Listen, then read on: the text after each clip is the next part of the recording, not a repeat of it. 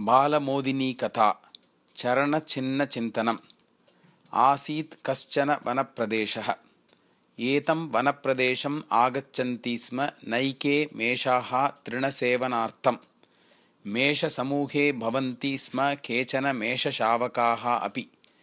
एकस्मिन् दिने समूहः दीर्घकालं यावत् तृणसेवनम् अकरोत्। समूहेऽस्मिन् विद्यमानः मेषशावकः मृदुतमतृणस्य आकर्षणेन किञ्चित् दूरम् अगच्छत्। सः शावकः तृणसेवनमग्नः अभवत्। तृणसङ्गाते आसीत् एका वल्ली वल्यां शावकस्य पदानि अवरुद्धानि। शावकः पदमोचनार्थं दीर्घकालं प्रयत्नम् अकरोत्।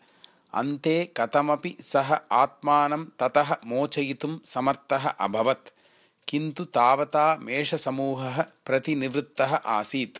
शावकः एकाकी स्वगृहं मार्गस्य अन्वेषणम् आरब्धवान् किन्तु सः साफल्यं न प्राप्नोत्। वनस्थल्याम् आसीत् कश्चन निर्जरः। निर्जरस्य समीपे आसन् वालुकाः। शावकः वालुकासु सुचारुणि पदचिह्नानि अपश्यत् तानि पदचिह्नानि आसन् वनराजस्य सिंहस्य।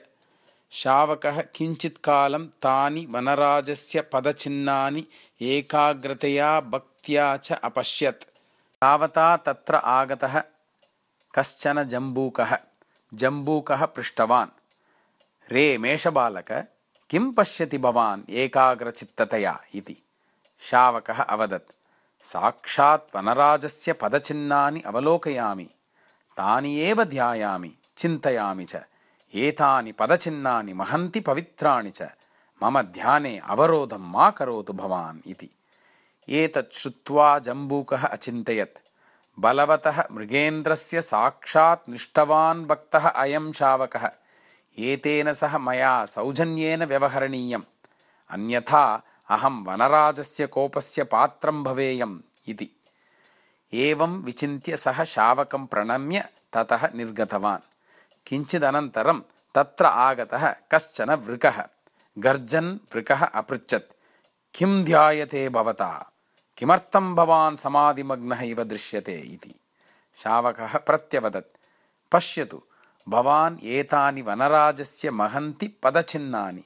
एतेषां दर्शने चिन्तने च अहं नितरां मग्नः अस्मि एषः मम एकः एव ध्यानविषयः।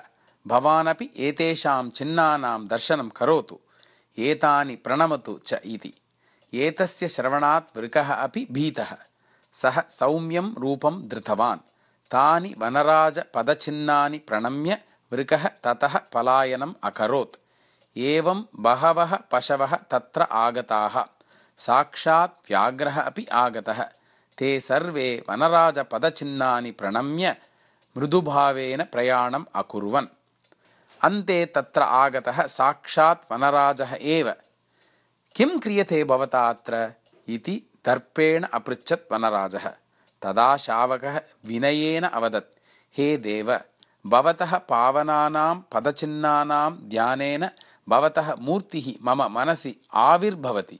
तद्दर्शनम् अतीव मोदकारकम् इति वनराजः मेषशावकस्य दृढं भक्तिभावं दृष्ट्वा सन्तुष्टः अभवत्। समीपे आसीत् वनस्थली। वनस्थलीं गन्तुम् उद्युक्तः आसीत् एकः गजः।